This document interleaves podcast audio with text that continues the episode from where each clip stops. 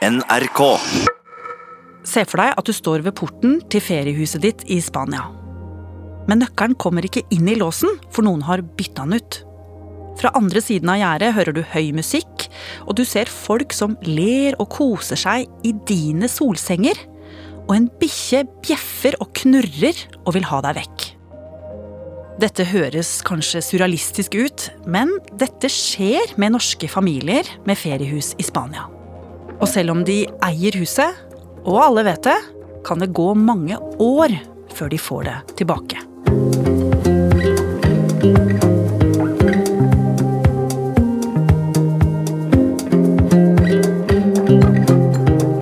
Du hører på Oppdatert fra NRK. Jeg heter Ragna Nordenborg. Første gang jeg kom over dette fenomenet med husokkupasjon i, i Spania, var når jeg leste det i Kapital i november. Tiril Mettesdatter Solvang er journalist i NRK Nyheter. Og der sto det altså skrevet om en helt vanlig norsk familie fra Bærum som eier et feriehus i Spania, som veldig mange andre nordmenn gjør. Men de opplever nå at huset deres er okkupert av noen andre som nekter å flytte. Og um, I tillegg var dette noe som hadde skjedd med flere nordmenn og andre turister, og det var visstnok et stort problem i Spania. Og da ble jeg bare helt sånn Hæ, what? Kan det stemme? Altså, jeg har vært i Spania flere ganger fra jeg var liten, har aldri hørt om problemet. Og bare tanken på at noen bare kan flytte inn i huset ditt og si at der skal de bo, det bare virket så surrealistisk. Så for å finne ut om dette faktisk stemte, så måtte jeg bare ringe denne familien. Hvem er det som tar telefonen? I eh, andre enden så eh, møter jeg Jørn eh, Hokolt, som er dypt fortvilet. Og han bekrefter jo alt dette. Og alt stemmer. Og i tillegg da så forteller han at dette feriehuset som han eier sammen med konen og, og søsteren sin, dette har vært i familiens eie siden 1950-tallet. De har hatt utallige ferier her, hatt eh, ungdomstiden sin der, planlegger å ha pensjonisttilværelsen sin her. Men så er det altså bare noen andre mennesker som har flyttet inn, som nekter å dra. Og nå aner de ikke hva de skal gjøre. Men hva er det som har skjedd? Det som har skjedd, er at det var først noen naboer som oppdaget eh, litt sånn mistenksom aktivitet rundt på eiendommen. De hadde sett mennesker som gikk rundt i huset som de aldri hadde sett før. Så var det òg visstnok blitt holdt en stor fest den ene kvelden. Så disse naboene ringte jo til familien Hokolt og sa hei, hallo, det er masse folk her, kjenner dere disse? Og den norske familien gjorde jo virkelig ikke det. Så de eh, satte seg på et fly til Spania. Kunne da trappe opp foran sin egen bolig, men der var alle låsene skiftet. I hagen gikk det en pippelterrier. På terrassen var møblene deres satt ut og sto ute i regnet. Og ikke minst så var det en annen familie der som bare nektet å flytte. Ja, fordi Fikk de kontakt med dem? altså Snakket de med dem? Ja, de sto og prøvde å vinke litt og sånn på de fra utsiden og spørre litt sånn Hei, hva er, hva er greien? Men da fikk jo de klar beskjed om at de var uh, uønsket der. Blant annet hadde han ene gjort sånn tegn med halsen at han skulle kutte over strupen på han, med mindre de kom seg av gårde. Så de blir jo redde, sant. Og hva gjør du når du er redd og føler deg truet? Du drar til politiet, ja. som de gjorde. Men uh, det politiet kunne fortelle de der, var at hvis ikke politiet er blitt kontaktet innen 48 timer, har ikke politiet lov å kaste ut husokkupanter. Da er det retten som må inn og felle en dom før politiet får grønt lys til å kaste ut okkupantene. Og dette kan ta lang tid, for lokalretten i Spania er veldig overarbeidet. Så å få ut husokkupanter kan ta i verste tilfelle mange år. Så de dro hjem til Norge med uforrettet sak? Ja, delvis, men de hadde ikke tenkt å gi seg. For det som var planen deres, var at de skulle tilbake igjen til eh, Spania i desember og gjøre et siste forsøk da på å konfrontere disse husokkupantene. Og det var jo akkurat på dette tidspunktet at jeg ringte dem. Og da spurte jeg om eh, ikke jeg og en fotograf kunne få være med. Og det fikk vi lov til, da. Så eh, i, mot slutten av eh, desember da, så satt altså Svein og jeg, Svein er fotograf i NRK, eh, vi satte oss på et fly til eh, Spania. Vi køddet litt med sånn logistikken og sånn, så vi eh, tok jo flyet til Alicante, men fikk jo da bilturen til Malaga langs liksom hele denne vakre spanske sørkysten. Og så kom vi jo frem til Tordelmar, Mar, eh, som er dette stedet der den okkuperte boligen ligger. Og det er jo ikke til å legge skjul på at det er jo et fint område. Sant? Det er jo disse fine, hvite, kalkfargede husene. Det er litt sånn Kardemommeby-stemning. Veldig velholdt, vakkert, deilig temperatur. Sant? Det er jo mange nordmenn og turister som kommer her for å eh, nyte livet, rett og slett. Men vi kunne jo ikke møte de i eh, feriehuset deres, selvfølgelig, for det var jo okkupert. Så um, Svein og meg vi møtte de i en leilighet som de hadde fått låne enn så lenge. Denne komfyren her tipper jeg tar tid. Det er ikke noe induksjon, det her, vet du. Jørn. Nei. Nei. Og dette var jo da eh, altså Jørn sammen med hans eh, kone og søster. Og eh, alle tre er litt opp i årene, kanskje nærmere pensjonsalder. Velkledde, ordentlige folk. Kan du se om det er noe melk i kjøleskapet her? Det kunne være godt å ha oppi kaffen, syns jeg. Og det var jo først når jeg møtte de at jeg skjønte så fortvilet de var. Jeg så jo det på de. Altså, De drev jo ikke og ravet rundt, og var hysterisk, eh, sånn som sikkert jeg hadde vært. Men de var jo Altså, du ser at dette er virkelig noe de Dette tar opp så mye hjernekapasitet og energi. Og de var jo sliten og lei. Og alt dette har jo til og med presset de ut i en sånn ganske drastisk plan da, for det de hadde tenkt å gjøre den dagen. Som jeg ble litt tatt på sengen av. Plutselig så kom eh, Jørn inn i stuen og holdt frem en sånn svær eh, rød grytevott, nærmest.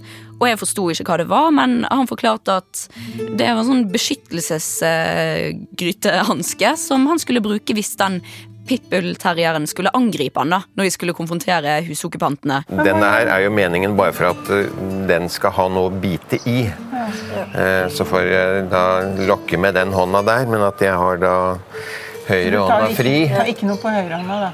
Jeg tar ingenting på høyrehånda. Og i tillegg så dro de frem en bag, og der hadde de pepperspray, cayennepepper, balltre.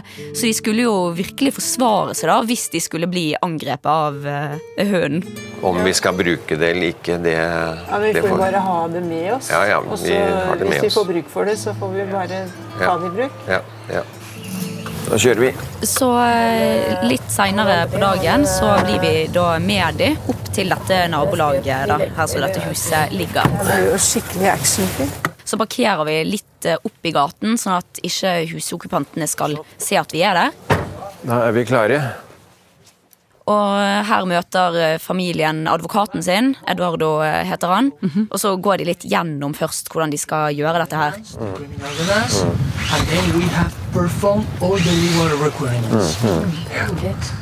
What, what, what do you think if, if they are um, um, let the dog uh, pit bull and uh, let it go free and, and attacking us? What about that situation? Uh,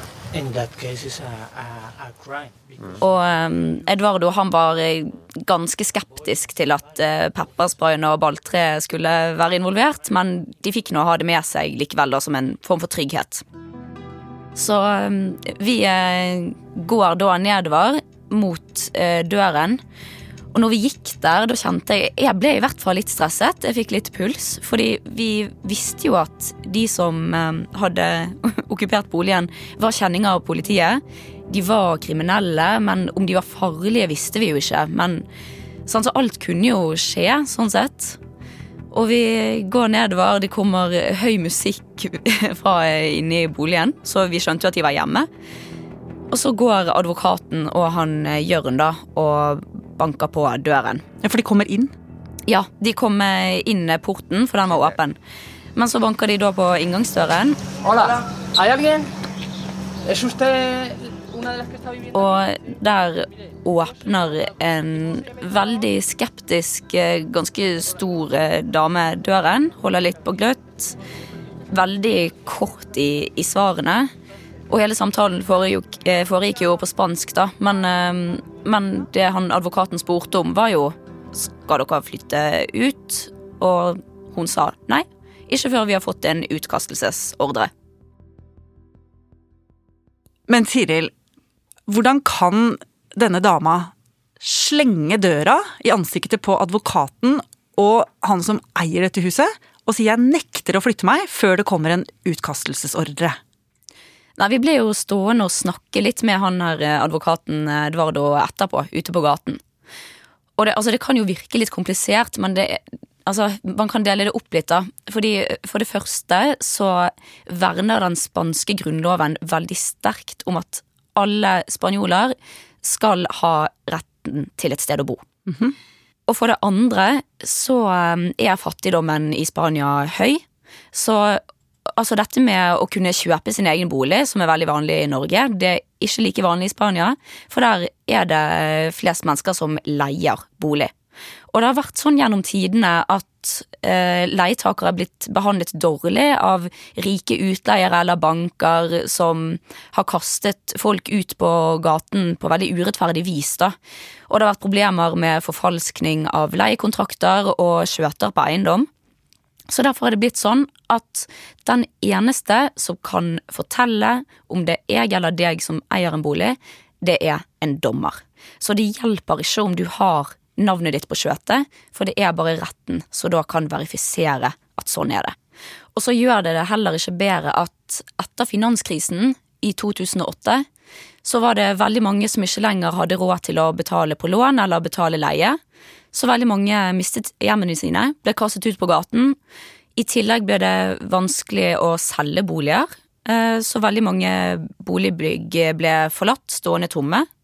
Så når du har en stor sum med mennesker som ikke har et sted å bo, og du har masse tomme hus og leiligheter, så ble jo summen av det husokkupasjon på ulovlig vis, da. Og så er det viktig å understreke at dette problemet er størst i storbyene, men det skjer òg i de mindre feriebyene som gjerne nordmenn oppholder seg i. Jeg snakket eh, også med en svenske når jeg var der nede, og hun hadde hatt husokkupanter i, i sitt hus, og det hadde tatt over åtte år å få de ut. Dette er jo organiserte kriminelle som har skjønt at husokkupasjon det kan jo fungere som et marked. Så de kjenner jo til lovverket, rettighetene sine, og det fins til og med på internett sånn oppskrift på hvordan å operere som en husokkupant. Og det er jo nettopp denne typen kriminelle som familien Hokholt er utsatt for. Så det fins rett og slett mennesker som har blitt eksperter på å utnytte smutthullene i loven, og som gjør at de kan okkupere i årevis. Ja, det, det er helt riktig. Men skalaen eh, er jo stor av eh, husokkupanter. Det er flest husokkupanter som er mennesker i nød, men så trekkes jo det da helt til organiserte kriminelle. Og totalt så er det minst 100 000 boliger i Spania som er okkupert i dag. Så eh, vi står jo her og snakker med han advokaten eh, Edvardo eh, om alt dette her. Men så plutselig så, så skjer det noe. For det kommer to politibiler kjørende opp ganske fort og bare sånn bråparkerer utenfor huset. Og jeg tenker at oi, herregud, dette var jo veldig bra. Nå kommer jo noen og tar litt tak i problemet. og Kanskje de har fått nyss om at norsk TV er her, så de vil vise litt handlekraft.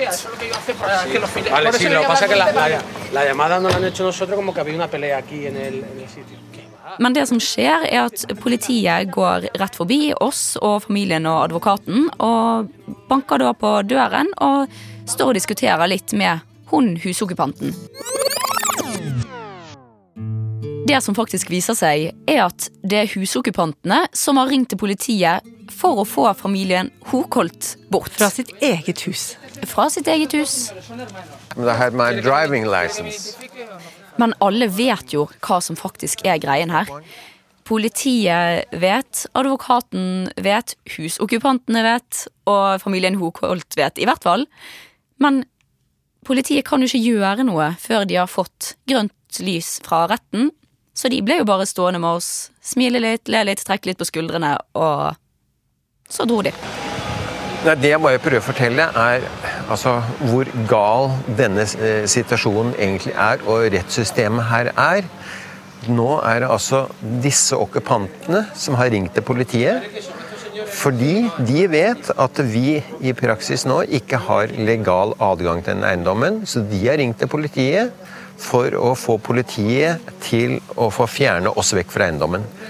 På tross av at vi er eiere, vi har hjemmelen til eiendommen, så er det nå altså okkupantenes personvern og rettigheter som blir ivaretatt. Det er ikke til å tro. Dette skjedde i slutten av desember i 2019. Hvordan går det med saken til familien? Altså, status quo nå er jo at eh, de har startet en rettsprosess, men hvor lang tid dette kan ta, det er det ingen som vet ennå. Og i verste fall så kan jo dette ta flere år. Dette er jo historien til familien Hokolt. Men de er jo ikke aleine. Det er mange andre norske familier som opplever det samme. Og svenske og tyske. Hvordan blir dette omtalt i Spania? Spanjoler kjenner jo godt til dette.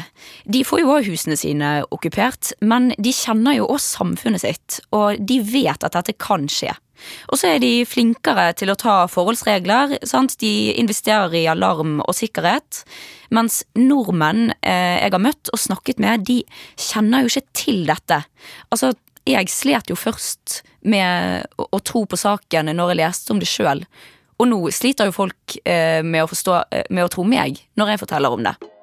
Så moralen i dette her eh, er vel egentlig hvis du har feriehus i eh, Spania, bare gjør alt du kan for at ingen kan bryte seg inn. Har noen brutt seg inn, så pass på at de er ute innen 48 timer. Hvis ikke? Ja, Hvis ikke, så kan det ta flere år før du får huset ditt tilbake.